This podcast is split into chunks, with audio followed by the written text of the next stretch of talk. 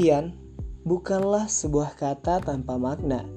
Sebuah kata yang sederhana namun penuh akan sebuah asa. Di dalamnya tertuang sebuah cita-cita dan harapan. Dan itu pula yang membuat manusia terus ada dan berupaya selama ia masih bernyawa. Perkara meraih mimpi bukan layaknya membuat secangkir kopi, tapi meraih mimpi adalah soal perjuangan, pengabdian, dan kesiapan untuk menghadapi kegagalan. Karena tugas seorang insan hanya bisa berikhtiar dan selebihnya bertawakal.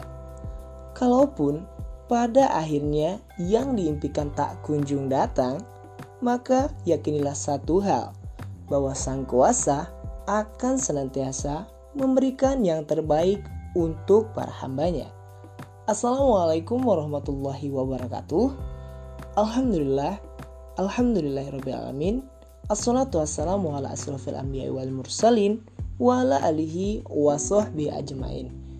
Asyhadu an la ilaha illallah wahdahu la syarikalah wa asyhadu anna Muhammadan abduhu wa rasuluhu la nabiyya ba'dah. Amma ba'du. Sebelum para pendengar podcast mendengarkan podcast ini lebih lanjut, seperti kata pepatah nih, tak kenal maka tak sayang, tak sayang maka tak cinta, daripada berlama-lama, yuk kenalan aja. Kenalin, nama gue Yusuf Surya Gumilar, salah satu mahasiswa dari Sekolah Vokasi Institut Pertanian Bogor. Dan supaya semua teman-teman di sini lebih akrab sama gue, kalian boleh panggil gue dengan nama panggilan Yusuf atau Sep. Oke, karena pada podcast kali ini gue bakalan ngebahas seputar meraih impian. Jadi, buat teman-teman yang mendengarkan podcast ini, gue bakalan sapa teman-teman semua dengan sebutan Sobat Pejuang Mimpi. Nah, Sobat Pejuang Mimpi, gimana nih kabarnya? Semoga baik-baik aja ya. Oh iya, Sebelum larut dalam mendengarkan podcast ini, gue mau ngingetin nih, jangan lupa makan ya. Karena perjuangan dalam meraih mimpi butuh tenaga yang ekstra. Dan jangan lupa istirahat yang cukup, karena jiwa yang lelah bakalan ngalamin beban dua kali lebih berat dalam perjuangan meraih mimpi. Oleh karena itu, maksimalkan waktu istirahat kalian ya, serta jangan lupa untuk berdoa. Wah, kalau ngomong-ngomong soal meraih mimpi, kayaknya luas banget ya. Terutama buat anak-anak muda seperti kita nih yang mungkin punya berjuta mimpi dan harapan untuk diraih ke depannya. Entah itu lulus kuliah tepat waktu, lanjut kuliah di luar negeri, atau pengen punya usaha yang dibangun sendiri. Terlepas apa pun mimpi kita semua, gua berharap nantinya semua mimpi itu bisa kita wujudin satu persatu.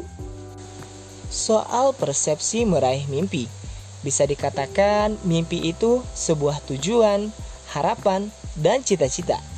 Gua rasa sebagian orang punya pendapat yang sama soal persepsi mimpi ini. Namun, berbagai cara dalam meraih mimpi ini adalah sesuatu yang tidak bisa diprediksi karena masing-masing dari kita punya caranya sendiri dalam meraih mimpi.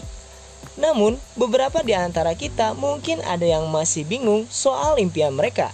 Entah mereka nggak punya mimpi atau mereka yang bingung buat mengimplementasikan mimpi mereka sendiri. Beberapa pengakuan yang pernah gua dengar langsung, terkadang mereka bingung harus bermimpi soal apa. Gimana cara ngewujudin mimpi mereka atau bahkan ada yang tanya, emang harus ya punya mimpi? Oke, di sini gua bakalan ngebahas soal mimpi dan gimana cara ngewujudin mimpi itu sendiri. Dengan segala kerendahan hati, gua bukan hendak mengajari, tapi hanya ingin berbagi informasi yang siapa tahu bermanfaat buat kita semua. Dan semua yang gua bicarakan di podcast ini adalah pendapat gua pribadi. So, kalau nanti ada yang nggak setuju, ya nggak masalah, karena kita punya persepsi yang berbeda-beda soal mimpi itu sendiri dan bagaimana cara mewujudinnya. Menurut gue pribadi, mimpi sama dengan tujuan. Dengan adanya mimpi, kita bisa memiliki hidup yang lebih terarah dan terstruktur.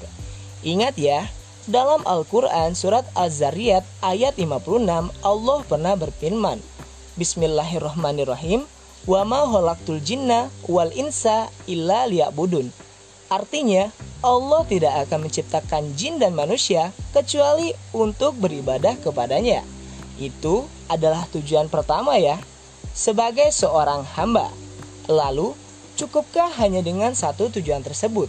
Hmm, Jawabannya udah pasti enggak ya. Karena seperti yang kita tahu, manusia bukan seperti malaikat yang tidak memiliki nafsu. Kita sebagai manusia pasti menginginkan sesuatu yang lain. Ya, kita nggak munafik lah. Mungkin setiap dari kita pasti ingin memiliki sesuatu. Bisa berupa apa pun itu, entah berupa prestasi, jabatan, ataupun material. Ketika kita memiliki keinginan akan sesuatu, lalu pada saat yang sama kita belum mampu mewujudkannya, maka kita perlu bersabar dan terus memimpikannya, berharap suatu saat keinginan itu bisa terwujud. Di situlah awal mimpi mulai terbentuk. Jadi, buat kalian yang bilang gak punya mimpi, coba deh simak lagi kata-kata gua. Pasti kalian itu punya yang namanya mimpi. Bahkan nih ya, kalau seandainya kalian cuma punya keinginan buat hidup terus sampai hari esok, itu udah bisa disebut mimpi ya. Karena kalian punya harapan pada mimpi itu. Hmm, gimana nih sobat pejuang mimpi? Masih mau bilang kalau kalian gak punya mimpi? Yakin? Coba deh kalian resapi lagi dan tanya sama diri kalian sendiri. Dan gua pastiin jawabannya cuma satu, yaitu ada kalian pasti punya mimpi. Oke, gue kira cukup deh soal persepsi mimpi ini. Kita beralih ke topik pembahasan bagaimana sih cara meraih mimpi. Gue pernah dengar dari salah satu temen gue yang udah berpengalaman banget nih dalam urusan meraih mimpi.